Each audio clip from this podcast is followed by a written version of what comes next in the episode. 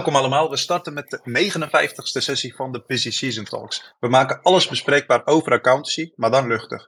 We delen ervaringen, tips en leuke verhalen. We blikken terug en kijken vooruit met studenten, accountants, bestuurders, toezichthouders en iedereen met interesse. Vorige week hadden we Marcel Vijver, Arnoud van Kempen en Omar El Masoudi te gast uh, in de huiskamer van accountants. Het werd een zeer interessante sessie rondom fraude, de krappe arbeidsmarkt en uh, ja, ChatGPT. Ja, wat mij uh, vooral is bijgebleven is de discussie rondom ChatGPT. Generative AI, daar valt ChatGPT onder, is echt gemeengoed aan het worden. En volgens mij is er echt geen weg meer terug. Het komt zoals alle technologie met een veelvoud aan kansen, maar ook bedreigingen. Ja, wat mij betreft omar omarm je het zo snel mogelijk, natuurlijk met de, met de nodige waarborgen. Wat gaan we vandaag doen? Ja, vandaag gaan we het met onze gasten hebben over de toekomst van de opleiding. Altijd een zeer interessant uh, onderwerp. Ja, Lotte, Yes, dankjewel Hakan. Ja, we hebben vanavond weer een, uh, een superleuke line-up met uh, toffe gasten.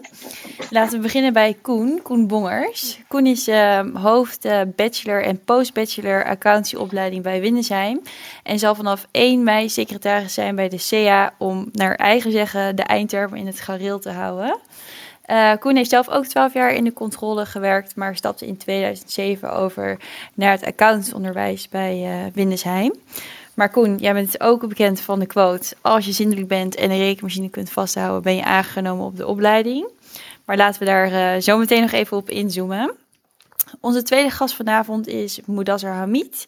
Moedasser is manager bij KPMG Nederland al ruim 10 jaar en is ook lid van het curatorium van de accountsopleiding van de Vrije Universiteit.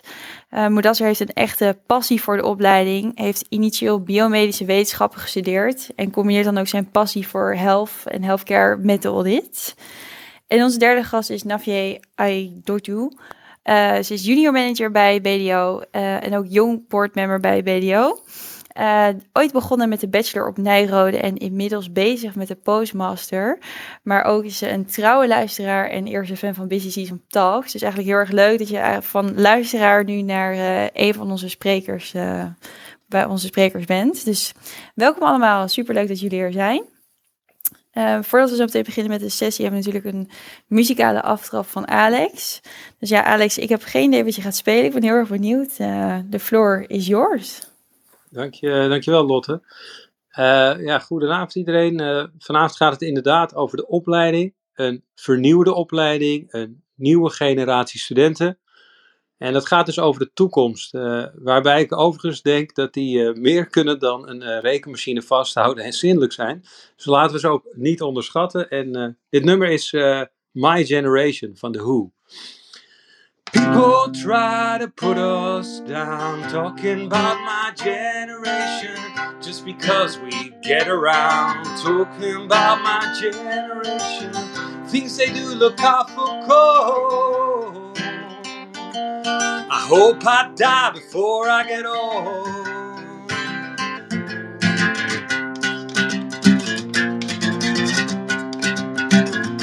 This is my generation my favorite station, my education, baby. Oh, na na na na na na na.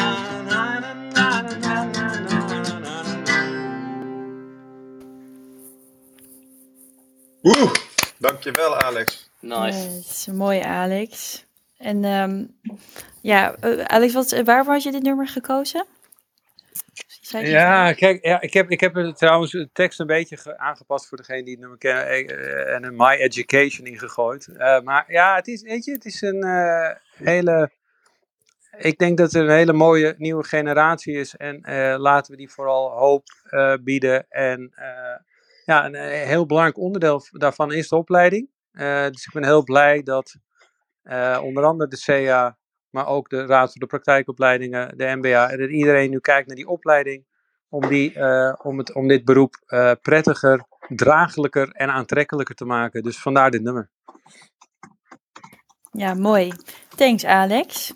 Ja, dankjewel. Um, ja, en dan hebben we natuurlijk ook nog in ons midden Mark. Mark uh, Mark Schweb, ja, het voelt bijna overbodig om jou te introduceren, maar we doen het toch.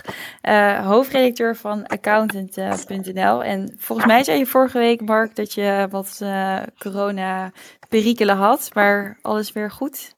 Ja, eigenlijk alles wel weer goed, zeg maar. Dus het ergste is allemaal voorbij en we zijn weer aan het werk gegaan. Ook weer op kantoor sinds, sinds vandaag. Dus maar goed, het was eventjes uh, even doorbijten, maar uh, nee, het is allemaal weer goed gekomen, gelukkig. Um, en ja, ik heb ook weer, uh, ook weer wat actualiteit geselecteerd voor deze week. Um, en ja, het, het, nieuws lijkt inderdaad bijna vanzelf op ons af te komen. We hoeven er soms bijna niks voor te doen, want de discussies over bepaalde thema's die worden groter en groter. Nou, het eerste bijvoorbeeld gaat over heldere taal um, in de aandeelhoudersvergadering. Accountants moeten in de aandeelhoudersvergadering heldere taal spreken bij het toelichten van hun bevindingen bij de jaarrekening en het bestuursverslag. Dat benadrukt de NBA bij een nieuwe versie van handreiking 1118 over het optreden van de accountant in de aandeelhoudersvergadering. En de accountant moet wel afspraken maken met de voorzitter van de vergadering vooraf over waar hij over gaat praten. Nou, um, een beetje onverwacht kwam daar toch flink wat media-aandacht voor. En uh, dat kwam eigenlijk omdat ondernemersorganisaties als VNO-NCW en de VO nogal kritisch zijn en eigenlijk niet willen dat de accountant uitspraken doet over andere zaken dan alleen hun controlewerkzaamheden. Blijkbaar krijgen ze toch een beetje vlekken in hun nek door het idee dat er iemand wel eens ongemakkelijke dingen zou kunnen roepen in de AVA. Maar ik zeg, hub accountant, je aandeelhouder is de echte opdrachtgever onderaan de streep. Dus voorbij dat corporate geronk van die bedrijven, vertel de aandeelhouder de waarheid, als het maar goed onderbouwd is. Want dat is natuurlijk wel voorwaarde voor wat je zegt. Dus dat is één. Um, dan is er ook een beetje gedoe rondom China. Want um, daar willen ze blijkbaar ook geen pottenkijkers hè, bij de Chinese overheid. Uh, de Chinese staatsbedrijven die moeten contracten met de vier grote accountantsorganisaties laten aflopen. En in plaats daarvan lokale accountants uit China en Hongkong gaan inschakelen. Dat meldde althans persbureau Bloomberg onlangs. Nou, niet waar, roept inmiddels een Chinese staatskrant. Want de Big Four hebben in China ook recent nog aanbestedingen gewonnen bij staatsbedrijven. En daar geven ze dan ook wat uh, bewijzen voor. Hè, onder andere een klus voor een bank. Uh, maar nou ja, echt heel overtuigend is het toch nog niet. En uh, de anonieme deskundigen of betrokkenen die worden opgevoerd, die, die blijven ook nadrukkelijk anoniem. Dus het is iets om te blijven volgen. En het past voor mij ook toch een beetje allemaal in de ontwikkeling die ik wel wat zorgelijk vind als het gaat over minder globalisering. Hè. Je, je krijgt toch een beetje de indruk dat het tegenwoordig America first, China first, India first is en dat soort dingen. De wereld om ons heen verandert. Um, dus daar komt ongetwijfeld nog een vervolg aan. En dan um, eventjes ja, toch inhaken op dat het morgen Internationale Vrouwendag is. Um, en dat blijkt toch nog steeds nodig om daar aandacht voor te vragen. Want er is nog steeds een loonkloof. Mannen en vrouwen in de Europese Unie krijgen gemiddeld pas in 2086, niet schrikken, 2086 pas gelijke lonen.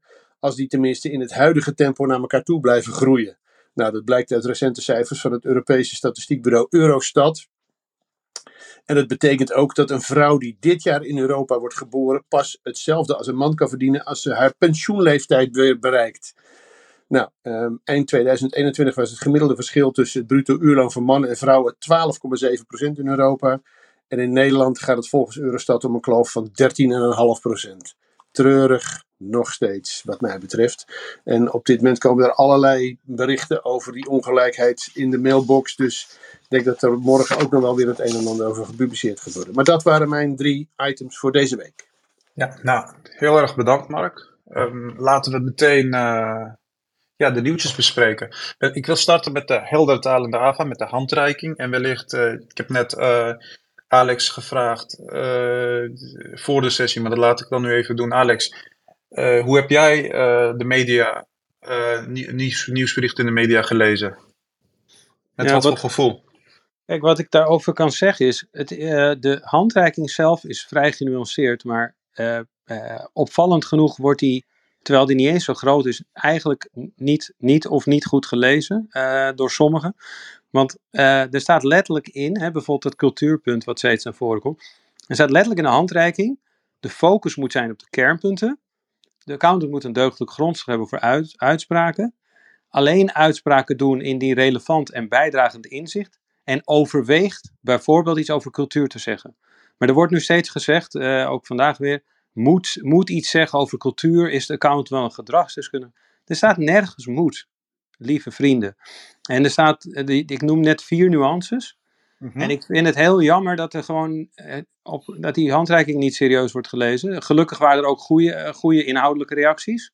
En daar kunnen we wat mee. Maar niet, niet, eh, sommige reacties die begrijp ik niet. Dat betekent echt dat iemand hem niet eens geopend heeft.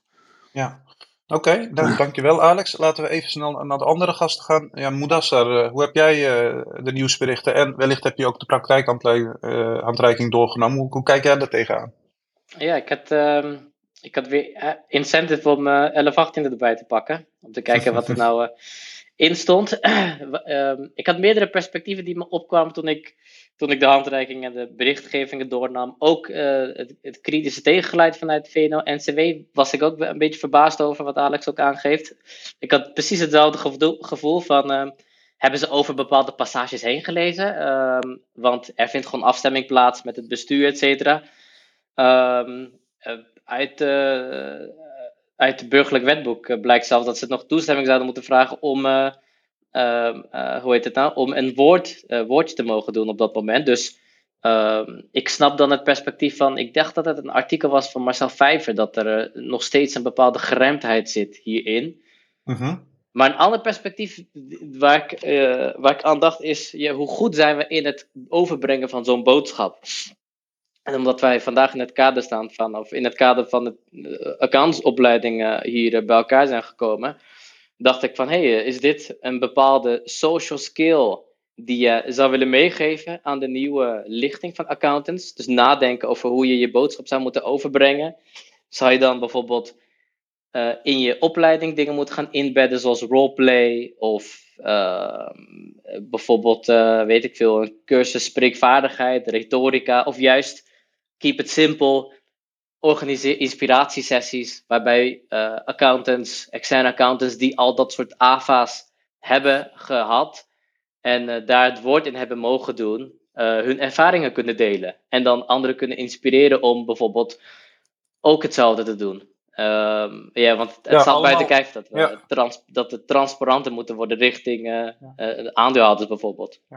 Nou, echt hele mooie voorstellen, Modassar. Eh, als we kijken naar, eh, denk ik, eh, de groep die dit doet. Het zijn waarschijnlijk partners die beursfondsen doen. Dus Juist. vooral bij de Big Four zitten. En als je kijkt, het zullen er denk ik niet meer dan 100 zijn.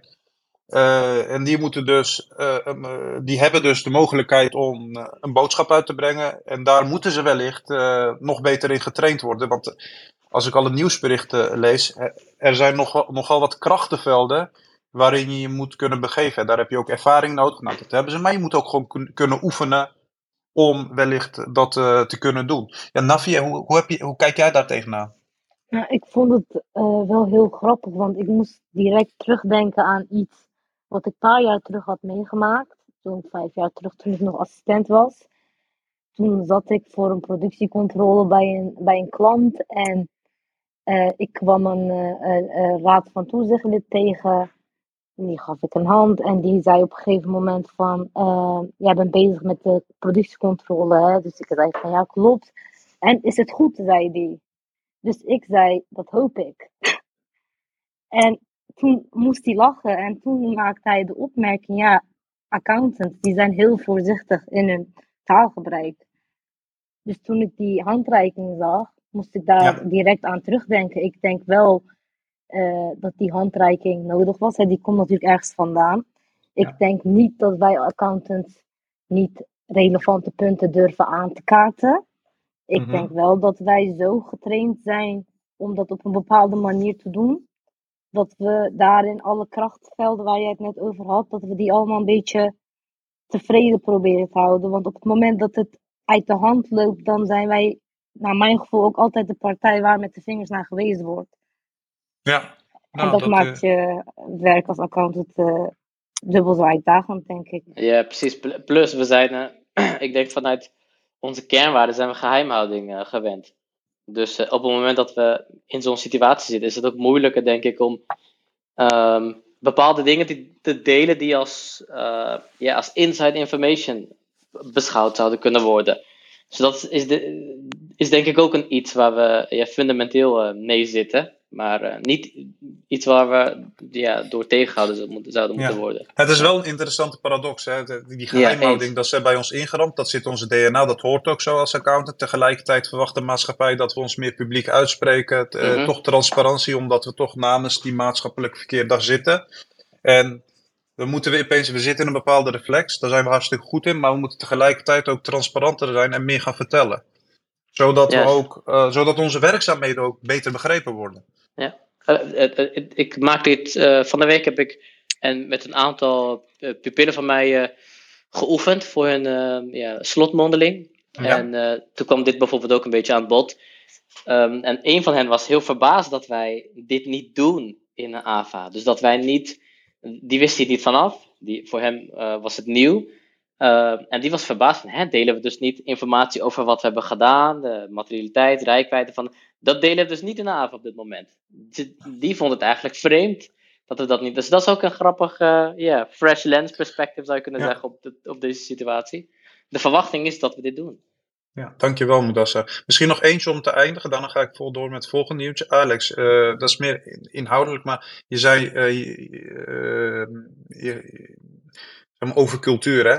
Eh, de accountant moet een deugdelijke grondslag eh, hebben, had je het over. Dus je kan niet zomaar iets roepen over de cultuur van de organisatie. Daarvoor moet je daadwerkelijk wat werkzaamheden hebben verricht, of in ieder geval wat in je dossier hebben staan. Of is, Ja, ja het zijn dus, het zijn dus vier, vier, vier eh, onder andere vier punten. De focus blijft op de kernpunten. De, eh, de accountant overweegt iets over cultuur te zeggen als het bijdraagt tot inzicht. eh, en inderdaad, als er een deugdelijk grondslag is, dus als je, als je inderdaad het ongemakkelijk vindt als accountant en je denkt dit voegt niks, nu niks toe voor deze onderneming, specifieke onderneming, en je hebt geen deugdelijk grondslag, dan hoef je daar niet te gaan freestylen. Maar die indruk wordt nu overal gewekt dat, je, dat de accountant wordt gedwongen om maar wat te gaan roepen over de cultuur. En dat is ook één element er maar uitgepakt. Het is een hele mooie gebalanceerde handreiking met veel elementen. Mhm. Eh, het kan zijn dat de accountant cybercrime heel belangrijk vindt en dat daar, daarover gaat hebben. Eh, en, en uiteraard, de deugdelijk grondslag blijft een essentieel element. Dus artikelen die Exact, suggereren dat dat opeens weg is en dat je gaat freestylen, die, die, die, die mogen gewoon even de handreiking openen. Gewoon even een uurtje lezen met een bakje koffie of een half uur. En dan komen ze tot de conclusie dat dat er heel duidelijk in staat. Oké, nou dankjewel Alex. Ja, je ziet ook zeg maar de afgelopen jaren eh, dat er langzaam dat ook veel meer gedaan wordt op cultuur. Dus die deugdelijke grootslag, zeker bij de grote audits, zal er ook wel, zijn. Nou, nu heeft de accountant ook een keuze om daar wellicht eh, middels die handreiking wat over te roepen. Maar dat gaan we met z'n allen meemaken. En misschien Ja. worden dat mooie cases die we in de toekomst tijdens de Busy Season Talks kunnen bespreken. Snel door naar het volgende en laatste nieuwtje. Ik sla China over. Eh, Koen, de loonkloof. Ehm, ja, hoe ervaar jij dat vanuit eh, misschien wel jouw rol? Of hoe, hoe, hoe, luister jij naar dit bericht? Ja, ik, ik, ik, word er wat verdrietig van eigenlijk. Want, want het zou helemaal geen issue meer moeten zijn. En, en heel eerlijk, het, het, het, ehm, ik denk dat het in het onderwijs, tenminste eh, wa- waar ik werkzaam ben, dat er geen verschillen zijn. Eh, ook omdat wij een redelijk, hoe noem je dat, vastgeketend salarishuis hebben. Dus daar is niet zo heel veel in mogelijk. Ehm, de verdeling man en vrouwen is bij ons eigenlijk ook heel, heel erg prima. Ook en met name in de leidinggevende functies. Ehm, wij hebben zelfs een voltallig college van bestuur wat uit twee, twee dames bestaat. Maar ik, ik vind, het zou helemaal geen issue moeten zijn. En, en, ehm, dus ik word er ook wel een beetje verdrietig van dat het, dat het dus inderdaad zo langzaam gaat. Eh, eh, nou leren wij onze studenten niet eh, salaris onderhandelen. We leren ze wel stevig praten. En overigens, eh, eh, storytelling is bij ons een onderdeel van de opleiding inmiddels. Dus eh, ze krijgen echt wel mee hoe ze een verhaal moeten gaan vertellen. Eh, dus je moet ook een verhaal over een salaris kunnen vertellen. Want het is natuurlijk ook wel een beetje onderhandelen. Maar ik, het, het zou. Ja, ik, ik vind het een issue dat eigenlijk niet aan bod zou moeten Ja. komen hier. Omdat het er niet is. Ja. Maar ja, Ja. helaas. Misschien een beetje advocaat van de duivel. Ligt het ook niet aan het feit dat bijvoorbeeld vrouwen vaker werken in eh, sectoren, eh, bijvoorbeeld zoals de zorg, hè, daar zijn ze oververtegenwoordigd in, onderwijs of culturele sectors, en dat mannen bijvoorbeeld dan in een techsector of eh, de bouw of iets dergelijks werken. Dus dat je sowieso al ehm, geen schone vergelijking kunt maken. En die, die verwachting of die ehm, extrapolatie naar 2086, ik ben benieuwd naar de data die daarvoor ge- gebruikt is. Van hoe dat Ik heb- ja, ik heb wel eens een- technische dingen. Ja, ik heb wel eens een keer een onderzoek gelezen en dat was heel triest. Juist op het moment dat bijvoorbeeld eh, een bepaalde sector meer, vrouwelijke, eh, meer, meer vrouw- vrouwelijke deelnemers krijgt, dat de gemiddelde salaris dan ook direct eh, afneemt. En dat is ook, dat is ook vrij tri- triest. Dus er zit daar echt iets in de kern, eh, iets onrechtvaardigs in, Hmm. eh, Ja. waar ik ook niet mijn vinger op kan leggen. Ja, Ja, precies. Want, want- want mijn stuk ging precies, voornamelijk over het, het, de, ver- het verklaarbare stuk van de loonkloof. Ze noemen dat het verklaarbare stuk. En je hebt een stuk wat onverklaarbaar is. Ja. Hier kan ik mijn vinger ook niet op leggen, Hakan. Ik denk Ja. ook wat... eh, Ja. Oh, sorry Hakan. nee, ga maar Lotte. Ja, dat ik, ehm, ik een, ook een onderzoek gelezen, nou allemaal denk ik. eh, en dat het voornamelijk ook ehm, een position gap is. Dus dat het misschien niet echt, zeg maar, echt een gender pay gap is, als ik het zo eh, mag zeggen. Maar dat het ook te maken heeft van hoeveel vrouwen er in hogere posities zitten. En dat daar ook nog veel te winnen valt. Omdat er dan meer vrouwen vaak in ehm ja, laag betaaldere posities blijven. Ja, of, en, en ik vraag me ook wel af hoe het in de accountie is. Eh, of, of daar ook zo'n kloof is. Ik weet niet of daar data van beschikbaar zijn, maar die vind ik wel, in, wel interessant. Want daar, daar werken ze ook wel steeds meer vrouwen gelukkig. Wij krijgen ook steeds meer eh, eh, eh, vrouwelijke studenten gelukkig. Ja. Maar ik vraag me af of het daar, of het, of het zeg maar bij ons, om het maar even uit te drukken, of daar ook zo'n kloof is. Ik Als denk ik- dat als- het met twee dingen te maken heeft. Enerzijds denk ik, kijk, eh, als je kijkt naar het, hoe, het proces loopt van salarisverhogingen, dan wordt van tevoren gekeken wat ze aan iemand gaan geven. En daarin proberen de mensen gelijk aan elkaar te trekken. En dan wordt het gesprek gevoerd. Nou, dan weten we eigenlijk al uit talloze onderzoeken dat een vrouw minder snel in de onderhandeling gaat dan een man. En als een man dan zo'n ding krijgt, wordt er achteraf denk ik niet meer gekeken van hey, moeten we niet opnieuw evalueren of het nu gelijk loopt. En anderzijds denk ik ook dat het diversiteit, genderdiversiteitsprobleem die er is, hier ook meespeelt. Want als je iemand beoordeelt op eh, eh, competenties die op mannelijke karakter zijn gebaseerd, dan concludeer je bij een vrouw veel sneller dat ze onderpresteert ten opzichte van een man. Dus geef je ook een lagere salaris. Denk ik. Nee, interessante punten. Ja. Ik zelf, als ik kijk in mijn omgeving, eh, mijn peers, zou ik zeggen, die verdienen ja, soortgelijk. Dus ik denk dat het tot een bepaalde hoogte, dat, dat, dat het verschil binnen de accountancy sector, maar dat is mijn eigen ervaring, eh, als ik kijk om me heen, dat het verschil eh, minimaal is. En dat het meer performance-based of development-based is. Ja. Maar dan is het denk ik afhankelijk van hoe goed kan je performance meten. Wat zijn de indicatoren die hier worden gebruikt? Bij ons worden ze bijvoorbeeld, uh, worden bijvoorbeeld people, quality, um, operational excellence. Dat zijn uh, elementen die worden gebruikt om te toetsen van hoe doet iemand het intern. Uh, is iemand in staat om goede kwaliteit te leveren? Vaktechnisch in staat om een sparringspartner te zijn bijvoorbeeld. Maar ook in staat om een opdracht tot een goed einde te brengen. Uh, daar wordt niet gekeken naar uh, geslacht. Of dat een man is of een vrouw is, uh, dat, dat is irrelevant in, in die beoordeling. Ja, maar ja. ik denk dat je dat onderschat. Ik denk dat heel vaak, bijvoorbeeld een heel simpel voorbeeld, een vrouw hoeft over het algemeen veel sneller toe te geven van dit had ik anders kunnen doen. Een man Hmm. weet dat wel, maar zegt dat meestal niet. En de vraag is, wordt in die organisatie die eerlijkheid, die kwetsbaarheid die iemand toont, gezien als een succes Mm -hmm. of niet? En dat bepaalt je beoordeling. Los Ja, van die competentie. Punt, het valt onder een competentie, maar hoe je ermee omgaat, dat is dus gedrag en cultuur. En dat is Ja. diversiteit. Ja. Laten we met jouw Ja. uh, Oh, duiding M- misschien nog één punt, uh, punt omdat we, we hebben vorig jaar een goede om terug te luisteren, een sessie eh, specifiek over de uh, loonkloof gehad. Uh, toen hadden we Sophie van Gool echt te gast uh, in de huiskamer van accountants. Zij heeft dat boek over de, ehm, over de loonkloof geschreven. Die kun je terugluisteren en zeker een onderwerp om later weer te behandelen. Want uh, ja, ge gelijkwaardigheid is natuurlijk een uh, essentieel onderdeel, ook denk ik voor ons als accountants. Ja. Dat gezegd hebbende, uh, ja, de actualiteiten, goede discussie. We gaan snel door met uh, het onderwerp van de dag. Lotte, geef mij yes. Ja, dankjewel Hakan. En ik denk inderdaad een goed onderwerp om nog eens te behandelen. En uh, ook iets wat heel erg uh, actueel blijft. Uh, maar goed, een ander heel actueel onderwerp is, is de quote van Koen. Koen, onze andere host, die hebben hem ook al een aantal keer aangehaald in de voorgaande sessies.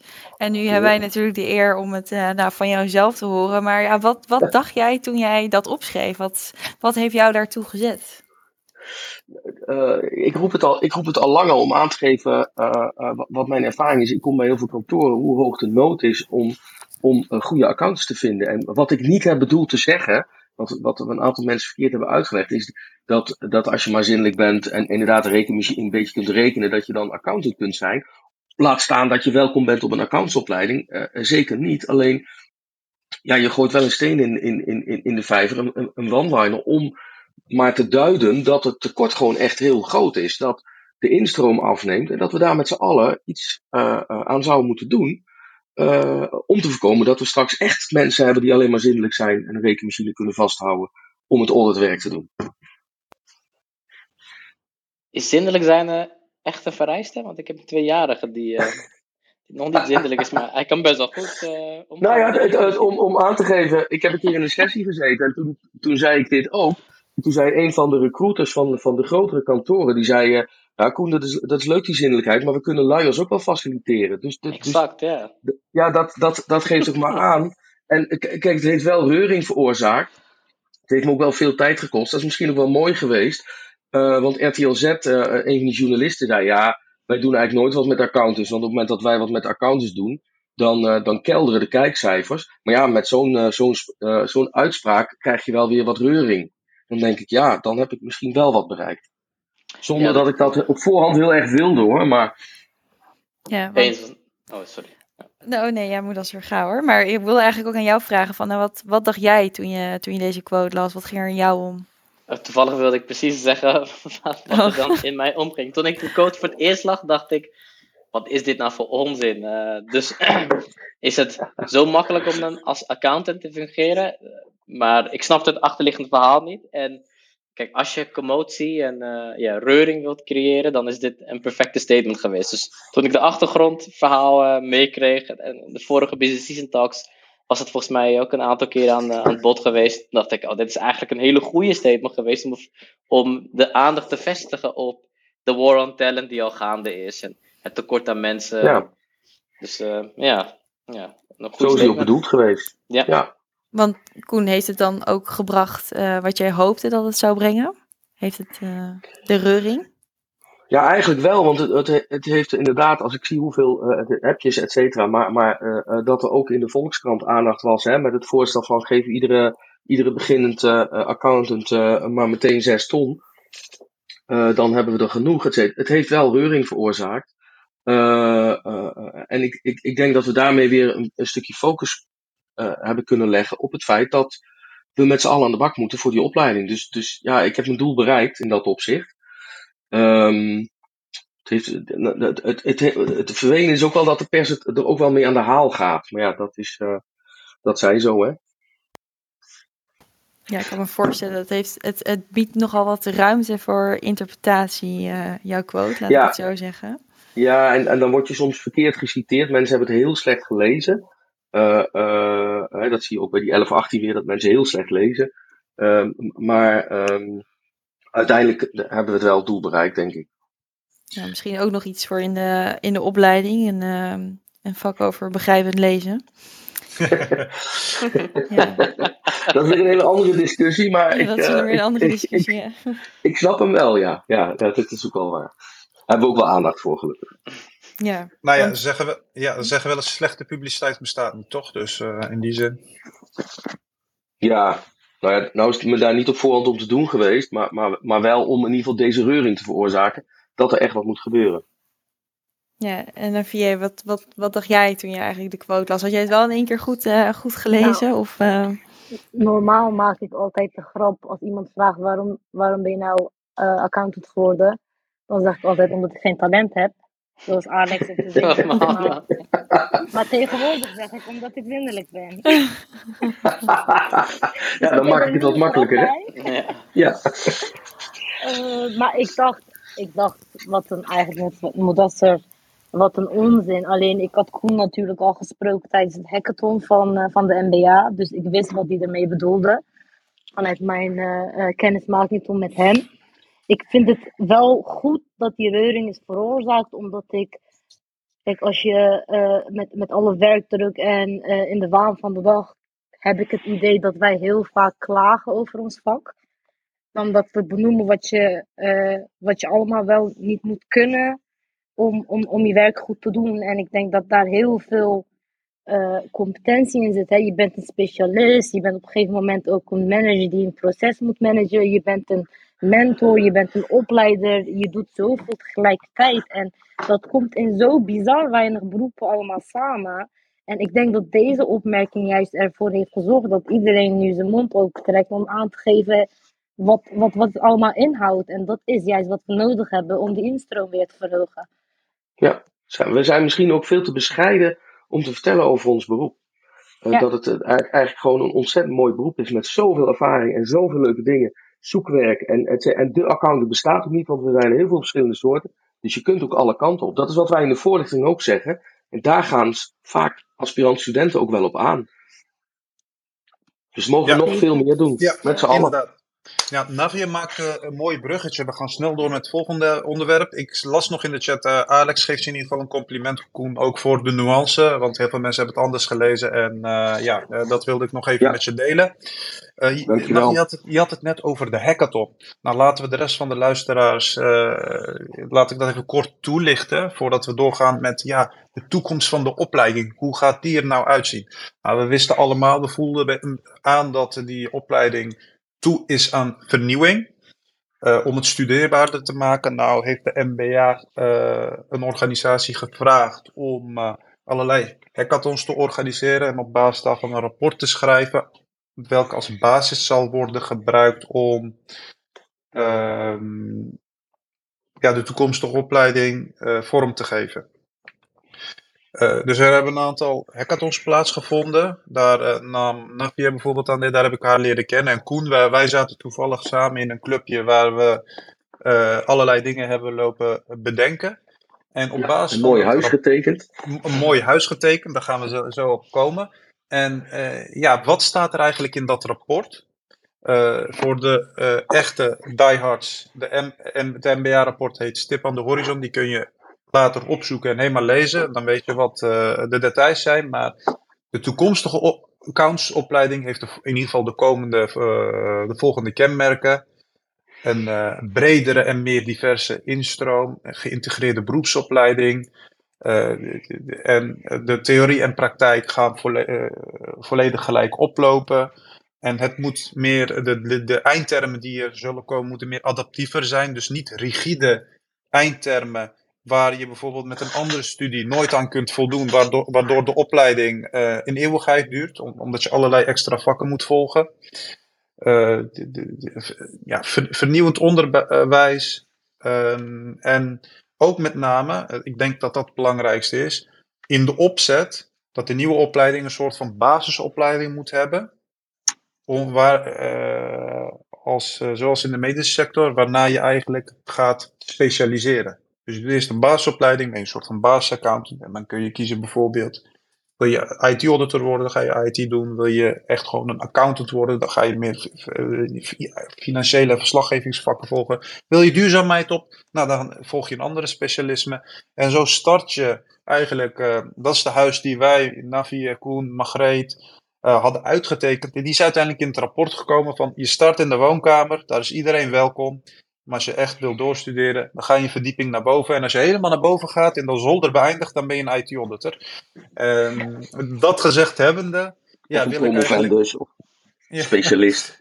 Ja, specialist, ja. ja. ja hoe, eh, eh, hoe kijken jullie daar tegenaan? Laat ik aftrappen met eh Nafje. Nou, eh, in, in principe heel positief. Want kijk, ik volg de opleiding al vanaf de eh, deeltijd bachelor van Nijrode. Dus ik heb eigenlijk de hele opleiding deeltijd gedaan. En wat je dan ziet is, je hebt je, je, hebt je interne opleiding bij, bij het kantoor waar je werkt, waar je heel veel leert. En je hebt de opleiding eh, aan de universiteit. En daar staan eh, heel veel dubbelingen in. En dan krijg je vervolgens je praktijkstage, dat is nog meer dubbeling. Want dan moet je opeens gaan vertellen over dingen die je, die je al hebt gedaan, zeg maar. En ik denk dat juist die onderscheid in eh, basisopleiding, waarin een keuze wordt gemaakt, oké, dit wordt door de universiteiten aangeboden en dit moeten de kantoren zelf regelen. En dan het praktijk aan de praktijk overlaten. Dat maakt het voor een student natuurlijk overzichtelijk en studeerbaar. Ik heb het gevoel dat in de afgelopen jaren het vak eh, zoveel over zich heen heeft gekregen, dat alle partijen zelf gingen nadenken, oké, hoe gaan we dat oplossen? Ja? En daar allemaal regels hebben bedacht en nieuwe vakken. En ondertussen niet met elkaar hebben gecommuniceerd van, hè, wacht eens even, wie gaat wat doen? En is het wel efficiënt dat die partij dat gaat doen en wij, gaan, en wij hetzelfde hier op kantoor gaan doen? Dus, en dat is ook onze ervaring vanuit de Jongboard, want wij zijn al, denk ik, zo'n twee jaar of anderhalf jaar terug, niet, niet zo lang terug, zijn we in een heel lange traject terechtgekomen met de Raad van Praktijkopleidingen en de CEA, om de praktijkstage iets te veranderen, te reguleren voor eh, alle kantoren, zodat iedereen een soortgelijke route volgt en qua, ook qua vastlegging van die eh, verslagen. En toen was onze ervaring dat de Raad van Praktijkopleiding wijst naar de CEA, de CEA wijst naar de Raad van Praktijkopleiding en uiteindelijk was de conclusie na maanden gesprekken voeren, was de conclusie gewoon, jullie moeten het als kantoren zelf oplossen, wij eh, gaan niks doen. Dus ik was Ja. ook eh, positief verrast toen ik opeens dat project Stip aan de Horizon eh, eh, voorbij zag komen. Nou, wat in ieder geval wat, wat gaaf dat je ook daaraan hebt deelgenomen, ook vanuit de eh, Boards, eh Puprofs, eh, je, bij, je bijdrage doet. En eh, zo een, ja, een bijdrage hebt in, in, de, in de toekomstige opleiding. Dat gezegd hebbende wil ik even eerst switchen naar Koen. Koen, per 1 mei ga, werk, je- ga je bij de CA werken, maar daar ga ik het nu Ja. niet over hebben, want dat is pas vanaf 1 mei. Jij hebt nu Ja. een rol als opleidingsmanager van een Ja. hogeschool. Dat is ook een hele relevante rol, want je hebt er dagelijks mee te maken. Ja, hoe Ja. ervaarde jij, jij dit verhaal, zeg maar, en waar Nou, ik ben inderdaad blij dat, dat die stip aan de horizon, want ook wij eh, zien heel veel knelpunten. We zien uitval, we zien studenten eh, eigenlijk afhaken vanwege de werkdruk, vanwege de combinatie, vanwege het vele vastleggen. Dus ook wij hebben geprobeerd, bijvoorbeeld naar die the- theorie en praktijk, om die meer te integreren. Dan loop je inderdaad wel, wel eh, met dubbele toezichthouders, et cetera. Er zit, er zit van allerhande verklaringen achter, die op zichzelf soms ook logisch zijn. Maar het allerbelangrijkste is, is dat je, dat je ehm, dat, dat we nu wel een, een stip aan de horizon neer aan het zetten zijn. Van het, het kan echt anders. Want er is afgelopen jaren alleen maar meer in die opleiding gekomen. Wat wij moesten doen als opleiders. Er kwam alleen maar meer bij. Eh, tot op een gegeven moment ook met duurzaamheid. Van ja, de, de, de, de, de duurzaamheid die eraan komt. De wettekst is al iets van 2, 2.500 pagina's. Ja, toen hebben we gezegd, ja jongens, hoe dan? Dit kan niet gewoon niet meer. Wij kunnen geen Einsteins opleiden. En eh, het moet wel Nee, doe, jij, doe, blijven. doe, doe jij dat niet op Winterstein? Lever jij geen Einsteins op? Dat Jawel hoor, ik lever toch- af en toe wel eens een Einstein af. Ja, zeker, zeker. Nee, maar, maar natuurlijk hebben wij, eh, heb je absolute eh, talenten en die, die, die het heel ver schoppen. Maar ehm, eh, het moet ook voor, voor, voor de, de, de- het gros van de studenten moet het gewoon haalbaar en maakbaar zijn. En studeerbaar met name. Het moet niet zo zijn, ik heb gekscherend wel eens in de Popenduizen gezegd tegen studenten van, nou jongens, jullie heeft, heeft een vriendje of een vriendinnetje, stop ermee. Jullie leven is voorbij, je gaat nu accountant worden. Dat is een roeping. En alleen nog maar aan de studie. Eh, je zit hier 40 uur en, en, en in het weekend ook anderhalve dag. Ja, weet je, dat is natuurlijk gekkigheid. Ehm, Is dat- maar daar ging dat- het wel is- steeds meer heen. Ja, maar echt zo? Eh, want eh, hoe lang doe je dat al, Koen? Eh, je huidige rol? Ik ben sinds ik ben in 2007 het onderwijs ingegaan als docent. En in Ja. 2012 ben ik opleidingsmanager geworden. In 2018 ben ik ook het, het landelijk ASI schooloverleggen bestuurlijke functie. Oké. Dus dan kom je wat dichter bij, de, bij het vuur. Maar, maar ehm, eh, dus ik, ik, ik loop al een tijdje mee. En ik, ik heb wel gezien wat er steeds meer bij kwam.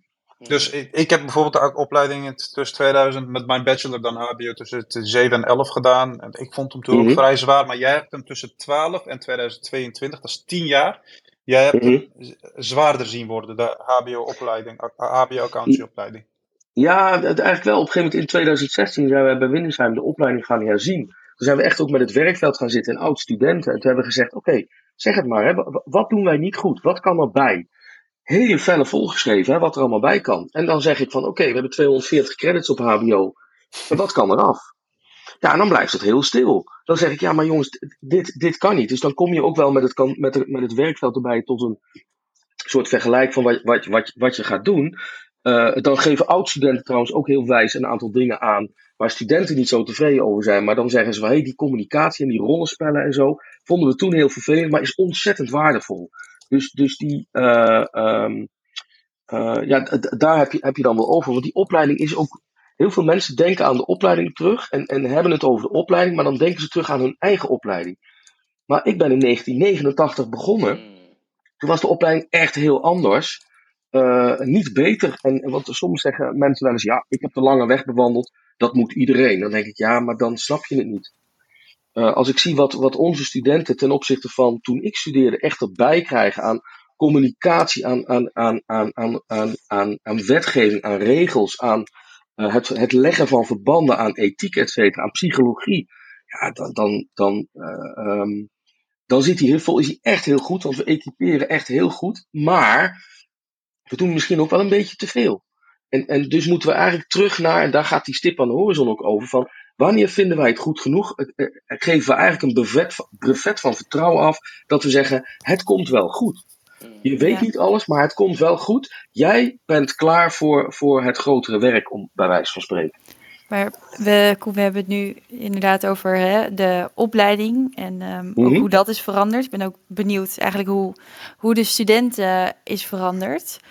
Maar goed, misschien kunnen we ook even ingaan op van nou, welke vaardigheden wel, zouden er dan in die basislei, eh, basisopleiding moeten zitten? Wat, wat, ja, wat is jullie visie daarop? Wat, wat heeft nou een, een goede accountant? Welke vaardigheden zijn daarvoor nodig? Misschien moet dat er er. dan. Hmm, ja. Eh, ja, lastige vraag. Ehm, als, ik, ja, als ik vanuit mijn eigen ervaring denk over, dit, over eh, wat een accountant nodig heeft, is. eh, ik denk een van de belangrijkste elementen is, is eh, de, de, de social skills. Dus in staat zijn om te communiceren met eh, de klant en met, eh, met het team eh, is een hele belangrijke. En met als reden informatie-extractie of informatieoverdracht of informatie delen. Ehm, om dit te ja, in de opleiding ergens plaats te geven is ook een lastig, want dit is iets wat je in de praktijk leert. Communiceren met anderen, et cetera. Eh, maar het stukje social skills is wel een hele belangrijk bij, eh, eh, waar, ja, de, wat van toepassing is op onze rol.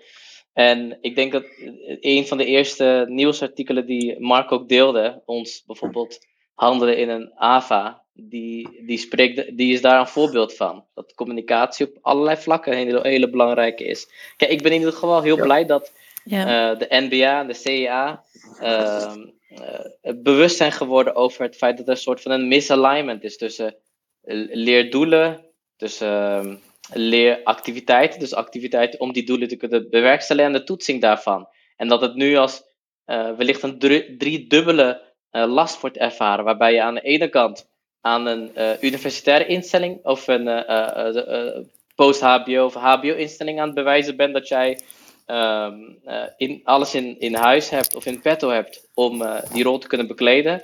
Aan de andere kant doe je het richting de NBA. En dat doe je ook nog eens binnen je kantoortuinen. Moet je laten zien dat je dan. eh, Moedasser, ehm, stel, jij bent eh, student. Wat zou je liever willen weten? Zou je liever de IFRS 9 kennen of wil je meer investeren in de social skills en om professioneel kritisch te zijn? Ehm, IFRS 9 pas op het moment dat ik het zou gaan toepassen in een jaarrekeningcontrole. En dat moment komt waarschijnlijk wat later in je carrière, op het moment dat je supervisor, junior manager, richting manager aanzit. Dan krijg je dat soort complexe posten op je bord. Eh, daarvoor heb ik eh, het kritisch toetsen van informatie die ik krijg van management of van, eh, van, ja, van, van de klant. Eh, ik heb een eh, professioneel kritische instelling eh, nodig, die ik steeds die ik moet fijn gaan tunen door de jaren heen.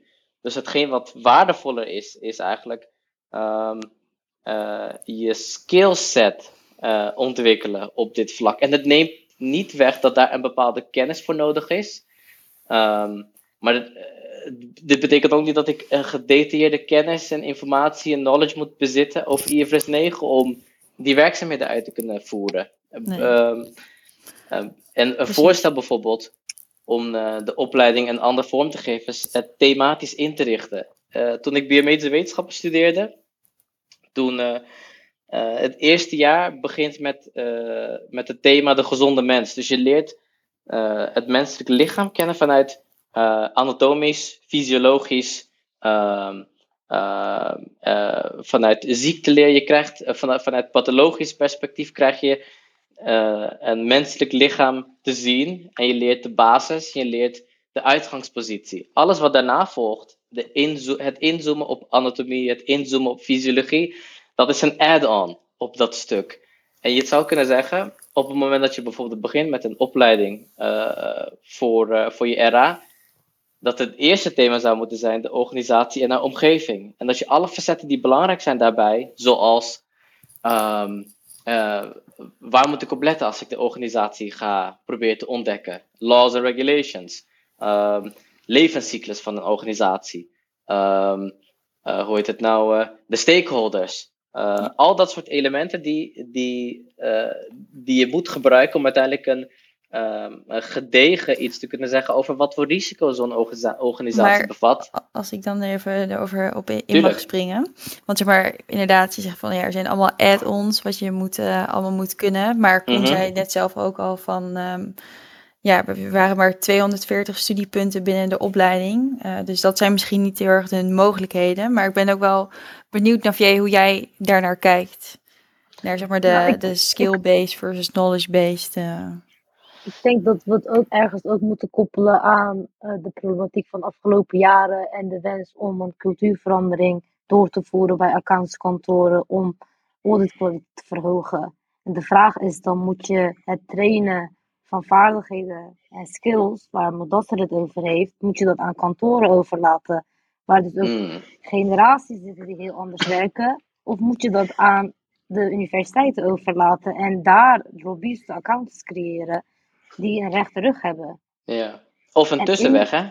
Of een daar kan je ook aan inderdaad. denken. Ja. Zeker. Volgens mij moet je het samen, moet je het samen doen. Exact. En, en ja. uh, ik vind de discussie van skills-based of knowledge-based voor een deel ook eigenlijk achterhaald. Want je kunt een aantal skills niet zonder knowledge. Ah, um, ja, uh, je moet als accountant een bepaalde bril opkrijgen om goed te kijken. Je gaat het pas zien als je het doorhebt. Maar dat doorhebben, dat vergt soms wel, wel kennis. En, en, en heel eerlijk, want wij zijn, uh, zeker op het hbo-moeders, zijn we al, uh, hebben ze bij ons gewoon projecten waarin ze zegt, hé, hey, jij bent nu accountant. hier is iemand die belt en die wil klant worden. Wat moet je allemaal doen?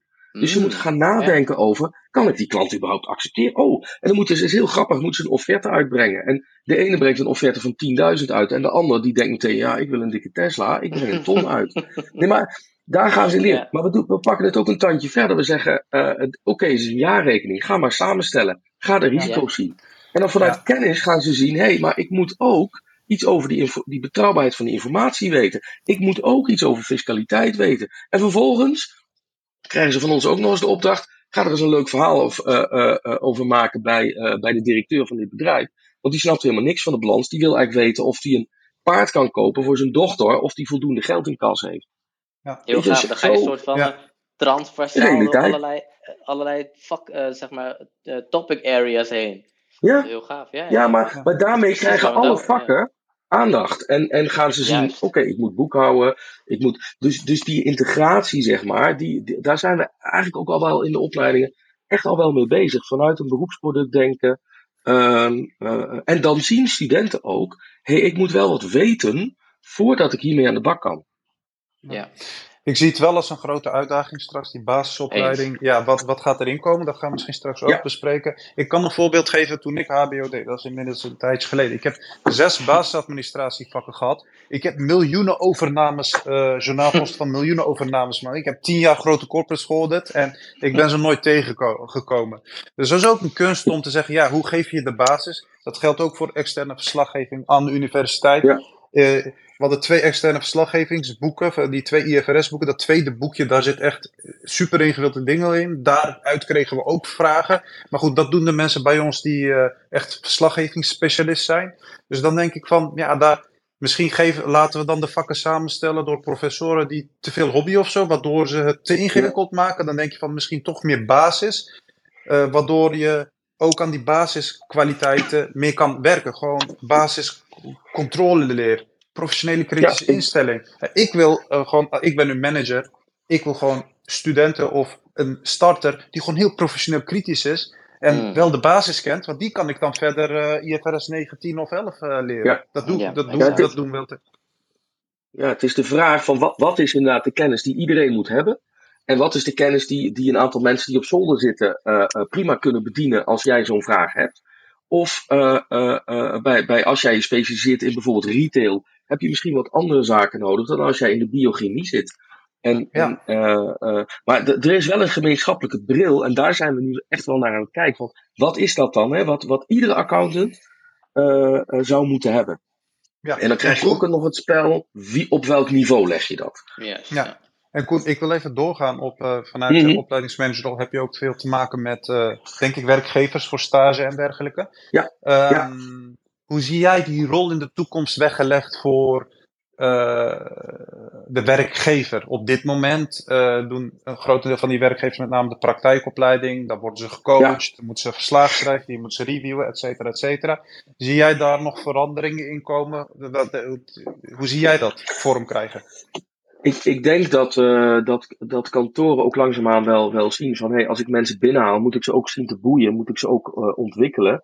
Eh, en dat vergt ook begeleidingstijd. Wij hebben een ambacht en dat leer je voor een deel in de praktijk. Daar zijn die kantoren in de lead feitelijk. Alleen wel vanuit ook weer een gemeenschappelijke eh, regiefunctie, die misschien zelfs bij het onderwijs zou moeten liggen, eh, om, om die opleiding vorm te geven. Ik maak nu soms te grote verschillen mee dat ik een, een, een klein kantoor heb waar iemand zit die echt heel goed is in begeleiden, die ze echt alle hoeken laat zien van een controledossier, ze na laat denken, ze wegstuurt. Ehm, en ik heb ook eh, kantoren waar, waar mensen gewoon productie moeten draaien en eigenlijk niet uitgedaagd worden om zelf na te denken. Eh, en dat vind ik jammer, want, want daarmee krijgen we geen goede accounts. Dus we zullen ook aan die kantoren wellicht wat, wat, wat wensen mee moeten geven. Van, hey, als jij iemand eh, meeneemt in je ontwikkeling, dan zul je hem wel wat mee moeten geven. Want wij zijn die meester-gezelrelatie. Ik heb leren controleren doordat ik een controleleider had, die mij echt vertelde, eh, zoek het zelf maar eens even uit. Ja. Dan ga je leren. En dan word je begeleid, zodat je niet verdrinkt. Iemand die je motiveert en eh, inspireert. eh, Ja, ja. en soms ook frustreert, hè? dat mag ook. Ja, ja. Maar is dan het eh, huidige model binnen de auditkantoren, zeg maar die upper-out cultuur, sluit dat dan nog wel aan bij, eh, bij de nieuwe opleiding die we hier schetsen? Ik denk dat het, het, het standaard plaatje minder standaard wordt. In die zin dat, Mhm. dat, dat er meer diversiteit komt in, in, in de opleiding en ook in, in het tempo. Het up or out. Ik, ik denk de eeuwige assistent die eeuwig zeg maar één sectie van een dossier blijft afronden, daar zijn we niet bij gebaat. Maar dat je langer eh, eh, op, een, op een assistentniveau blijft zitten of op een managerniveau eh, blijft zitten. En dat je er soms langer over doet voordat je accountant bent. omdat jij ook nog wat andere zijstapjes maakt. Ik denk dat die zeg, de diverse weg, de flexibiliteit daarin, dat die wel groter zou, eh, zou kunnen. En dat, dat gaan we ook wel, wel regelen, denk ik. Ja, ja eens. Ik, want ehm, eh, bijvoorbeeld, ik heb mijn RA-titel, ik ben manager hier. eh, maar ik, ik mag geen jaarrekeningen aftekenen. Dus dan zou je kunnen zeggen, hoeveel waarde heeft die titel voor mij? Want die titel zorgt ervoor dat je dus mag gaan tekenen. Hoeveel Mhm. waarde heeft die titel voor mij? Echt, Voor mij heeft die eh, heel veel waarde natuurlijk. Ik ben een gepassioneerd Ja. accountant, dus vandaar. Maar eh, in de praktische zin ga ik nog niet tekenen. Ehm, dus Nee. je zou kunnen zeggen, die drempel die, die bij eh, de kantoren bestaat om pas na je titel manager te mogen worden, die zou wat lichter genomen kunnen worden, wat dat betreft, of zelfs weggenomen kunnen worden. Ja. Maar ik was ook benieuwd van, zeg maar, het is nu dat je zeg maar alleen RA of moet er ook, ja, moet je ook in een positie kunnen blijven hangen in een functie? En, welke functie bedoel je dan? ja, Eh, bijvoorbeeld zeg maar dat je, zeg maar, wat is nou de positie eh, van, van een accountant als hij de bachelor heeft afgerond? Want dan kan je eigenlijk zeg maar bij wijze van spreken alleen maar assistent blijven. Ja, wat ik heel mooi zou vinden als we naar een soort, een soort na, de, na afronding van de bachelor, of, of in ieder geval naar een stukje dat je, dat je een soort basisaccountant krijgt. Eh, eh, eh, dan heb je de titel Mm. basisaccountant, val je onder het tuggen. Maar ook, ook om, om mensen wat mee te geven. Hé, hey, moet je eens kijken joh, je bent echt een eind op weg. jij behoort nu tot een selecte groep die gaat doorgroeien, die, die zich verder kan ontwikkelen ten opzichte van andere opleidingen of andere bachelors, zodat je ook echt trots bent op jouw bereikte resultaat. Ik Zou je dat dat basisaccountant zijn. kunnen blijven? Dus stel je wilt niet verder, je wilt gewoon die Ja, basispositie ja, behouden. ja, waarom, ja, waarom niet? Ja, wat mij, wat mij betreft, maar wel dat dat toch een soort, eh, eh, ja, ik noem maar even opleidingstitel. Kijk, we hebben natuurlijk ook de basisarts, hè, om, om, die Ja. vergelijking eh, misschien te maken. Van ja, dat, dat, dat is ook een, eh, ehm, een eh, eh, ja, toch, toch wel een soort drempel die ja. je over bent gegaan, Oh, ja. Waardoor jij eh, eh, ook wel echt een, een zekere naam hebt. En in, de, in, in het rapport, Stip aan de Horizon, stond ook een hele mooie term. Althans, ja, ik vond dat zelf echt een hele, hele vette term. En het was, eh, de accountant is dan een, een trust provider. Ja. Ehm, en ja, dat is natuurlijk misschien al een stuk minder stoffig om te zeggen op een borrel. Hoewel dit echt een cliché is, overigens. Maar ja, van ja, ik ben, wat doe jij voor werk? Ja, ik ben trust eh, provider. En dan spreek je Ja. natuurlijk ook een beetje aan op de integriteit van het beroep en eh, van, ja, van de Mhm. studenten. Dus ik denk dat het misschien dat wel een hele mooie term gaat zijn. ehm. Ja, toen ik Ja, die want las, dat is ook wat we doen. Ja, toen ik die las, dacht ik, wat in a name? Dan, dat is mijn perspectief meer van, eh, wat Ja. doet een trust provider? Dan zou iemand kunnen vragen die helemaal geen weten heeft van accountancy eh, eh, of Moedassa, eh, Moedassa, audit. laat mij, laat mij daar een antwoord op geven, want ik gooide die term in tijdens een van die hackathons. Ehm, oh, dat die is van jou. Oké, dan ga je hem verdedigen zeker. Zeker, ik bemoei me overal mee. Ehm, Jij bent de aanstichter. Maar het mooie is, kijk, een accountant is op dit moment echt een financieel beroep. Dat is een bescher- beschermtitel voor mensen die de RA of AA-titel dragen. Ja. Maar er zijn een heleboel mensen die die titel nooit zullen dragen, maar wel een ehm, stukje vertrouwen willen leveren aan die maatschappij. En dat doet ze al verschillende rollen. Bijvoorbeeld een RE, die levert ook een stuk vertrouwen. Die tekent ICE-rapporten af of eh, die tekent eh, allerlei ISO. Lever je ook vertrouwen aan de maatschappij? Op een of andere manier. Nou, dan ben je eigenlijk een soort van trust provider. En zouden we niet in staat zijn om bijvoorbeeld. Er zijn heel veel mensen die nooit accountant willen worden, echt die RA willen worden, maar we- wel eh, het enorm gaaf vinden om. eh, denk ik bij verschillende bedrijven binnen te kijken en een stukje vertrouwen te leveren. Nou, die kan je dan zeggen: ja, ik doe een opleiding tot trust provider. Na die bachelor ben je een soort van trust provider. De ene levert trust op het gebied van duurzaamheid, de ander doet het. Ja. Maar dan ben je niet per se accountant. En laten we eerlijk zijn, de accountant heeft, dat woord heeft gewoon best een stoffig imago. Wij waren zelf eh, een dag training gaan volgen bij, eh, eh, de, bij de KMA, bij de marine. En op een gegeven moment maakten ze allemaal grapjes over accountants. En de hele zaal was aan het lachen, maar ze wisten niet dat daar drie accountants eh zaten. Dus misschien moeten wij, moeten wij ook wat marketing doen. Van in die zin, we, Ja. hebben, gewoon een, we hebben gewoon een prachtig beroep. Maar soms moet je hem net iets anders framen. Iets mooi een paar, inpakken. een paar helden en, een, en een, een paar helden zoals jij bij wijze van spreken. En, en eh, kijk, als er grappen over je worden gemaakt, is misschien ook, ook wel leuk. Hè? Dat geeft ook wel eh, Mhm. wat, wat, wat reflectie en wat relativering. Maar eh, ja, we hebben misschien een beetje stoffig imago, maar dat is misschien ook omdat we veel te bescheiden zijn. Wij hebben inderdaad, wij, voegen zoveel vertrouwen toe. eh, eh, en iedereen weet, voor een deel ook, zeker in, in, de- in de wereld, dat wij dat, dat kunnen. Als je rondom ehm, duurzaamheid hebben wij gisteren discussie gehad over, ja, maar je kunt ook klanten wijzen op het feit van, hé, hey, maar hoe duurzaam ben jij? Wat is nou jouw true pricing? Daar weten wij als geen ander, qua informatie en qua regelgeving, hoe dat in elkaar zou moeten zitten. Ja, ik kijk daar ontzettend naar uit, eh, Koen, naar die discussies eh, met mijn klanten. Dus, eh, Ja, Maar goed, nu nog een vraag voor jullie. Als jullie, of als jij de baas was en jouw wil wordt wet in de CA-eindtermen, wat moet er dan in? Navier, wat, wat moet er nou in die eindtermen? Ik denk niet dat er wat in moet, ik denk dat er wat uit moet. die is heel, dankjewel. Nice. Sharp, sharp. Wat, wat moet eruit dan? Dat weet ik niet zo paraat te zeggen. Ik, eh, Nee, maar ik denk dat daar heel veel, vooral als we toegaan naar een eh, specialisatie, waar Hakan het eigenlijk net over had. Niet iedereen is geïnteresseerd in alle eindtermen en gaat daar ooit iets mee doen. Dus een keuze daarin en dat koppelen aan een bepaalde titel of niet, maar in ieder geval wel dat je in het vakgebied kan blijven en dat kan doen waar je goed in bent en wat je leuk vindt. Ja. Maar nu is er maar één smaak, dat, daar komt het eigenlijk op neer. Ja. Je begint eraan en je doet alles, of je begint er niet aan en je vertrekt. En dat is ook hoe, hoe de structuur in de kantoren is ingericht. Ja. In de grote kantoren vooral. En dat is denk ik eh, doodzonde. Ja, dat is een, he- een hele mooie visie, denk ik. Ehm, en, en Moedasser, hoe kijk jij daar tegenaan? Wat, wat moet eruit, wat moet erin? Ehm, Ja, ze moeten in ieder geval wat eh, minder vaag beschreven worden, die eindtermen. Ehm, concreet of eh, toch weer het meer begrijpend bij- lezen cursusje erin?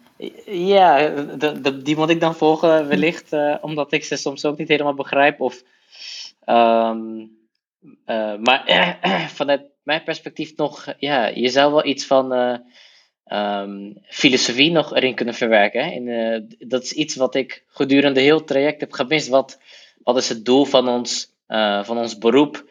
Ehm, hoe, ehm, eh, hoe spelen wij een rol zeg maar, op maatschappelijk vlak, het maatschappelijk belang. Maar dat kan ook liggen aan de, de leraren of degene die ons onderwijzen. ehm, dat de passie die, eh, die hoort bij het beroep, ehm, dat die op een andere manier, op een betere manier ook overgebracht zou moeten worden. Dus dit is denk ik iets los van de eindtermen. Misschien zijn de eindtermen al heel goed, heel volledig. Eh, zouden ze wat gesimplificeerd moeten worden. Ehm, en, ehm, de, eh, en zouden de kantoren, denk ik, een, een dubbelrol kunnen spelen in het, het kunnen eh, nagaan of die eindtermen zijn ehm, behaald door bijvoorbeeld je development manager of je performance manager ook je praktijkbegeleider te laten zijn tegelijkertijd. Dus dan hoef je alleen maar aan één persoon ehm, te laten zien binnen, eh, binnen je organisatie. En wat gelijk ook eh, telt voor de MBA. Eh, dat jij ehm, eh, bepaalde milestones hebt behaald. En dat je op weg bent om een startbekwame eh, accountant te worden. Dat zijn Ja. van, van die kleine praktische dingen die, die niet per se vereisen dat die eindtermen aangepast zouden moeten worden. Maar de- onze, ons omgang met eh, of we die eindtermen hebben behaald. eh, dat is denk ik een handigheid die we, die we zouden kunnen toepassen. En jij, bij elkaar brengen van die werelden. Dankjewel. En Koen, hoe, eh, hoe kijk jij er tegenaan? Want er is in, het rapport stond wel eh, adaptieve eindtermen, volgens mij, als een van de kenmerken van een nieuwe opleiding. Ja, het is nu negen uur, dus dan ben ik tot tien uur bezig. Nee, eh, ik vind het wel heel mooi wat Navi zei. Ja, we moeten echt naar minder eindtermen. Ik, en en moeder zei, jij zei van ja, ze zijn soms zo vaak dus wat meer, ehm, eh, eh, eh, wat, wat meer erin. Nou, liever niet. Jammer joh, ze zijn al zo gedetailleerd. Ze zijn Mm. op vakniveau echt tot in detail beschrijvend wat er allemaal moet gebeuren, wat wij aan moeten tonen. We moeten hem veel meer beroepsgericht maken vanuit beroepsproducten. Dus echt naar minder eindtermen, meer conceptueel. Waaronder, daar zitten ook dingen bij als, als informatievergaring, et cetera.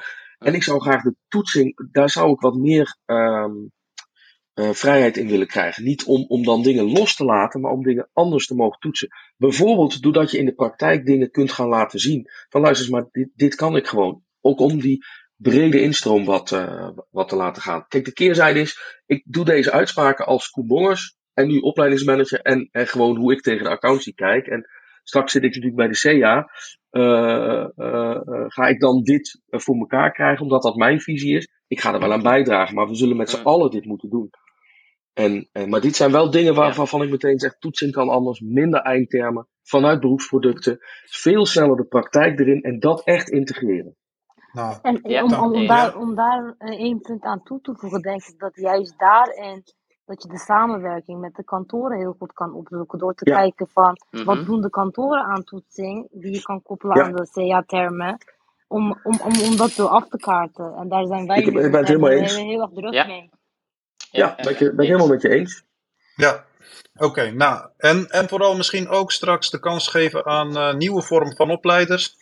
Wellicht zoals Nest Accounts Academy, je weet het maar nooit. Ehm, Ja hoor. Ja, fantastische vernieuwend, opleiding, want-.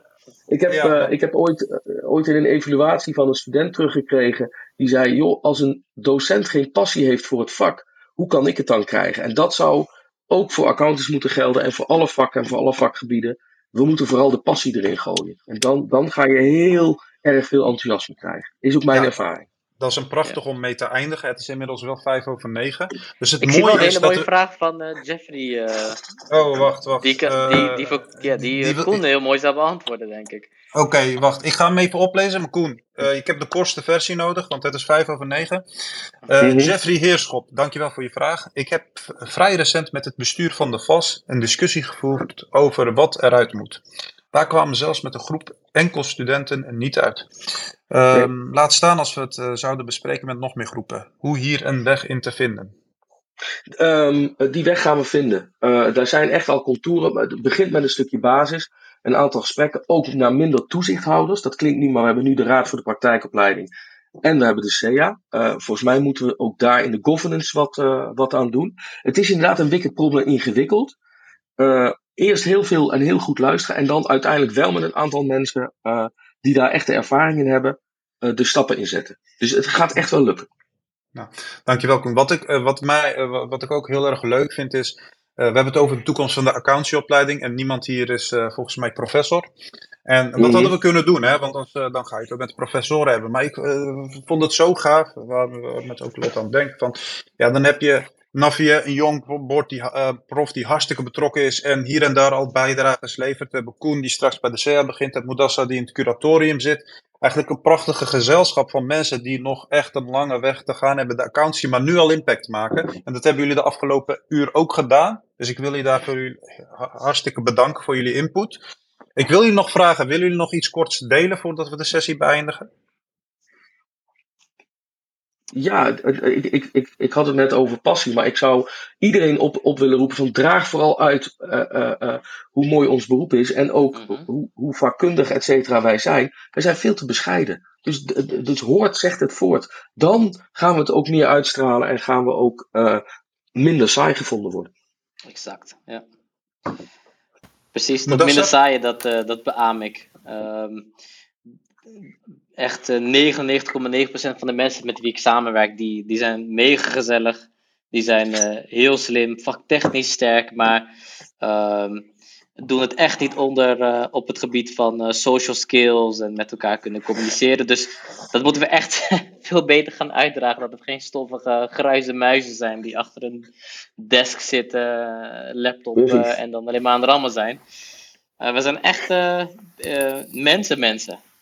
Ja, en als ik ja. daar even op mag inhaken. Ik las dat net een berichtje voorbij komen van Arif. Van, dat is nog steeds bijzonder dat we zo passievol om negen uur s'avonds op een dinsdagavond over ons beroep praten. Dus ik denk dat we dat alles behalve saai zijn. Mm -hmm. Navia, jij nog? Ja, eigenlijk eens met uh, alles wat hiervoor gezegd is. Ik denk dat het uh, grootste punt zit, in, zit hem in de, in de werkdruk door alles wat er op ons afkomt en blijft afkomen. En de studeerbaarheid van de opleiding. En daar zijn we nu gelukkig wel mee bezig. Ik ben alleen benieuwd naar uh, hoe snel dat zich gaat ontwikkelen.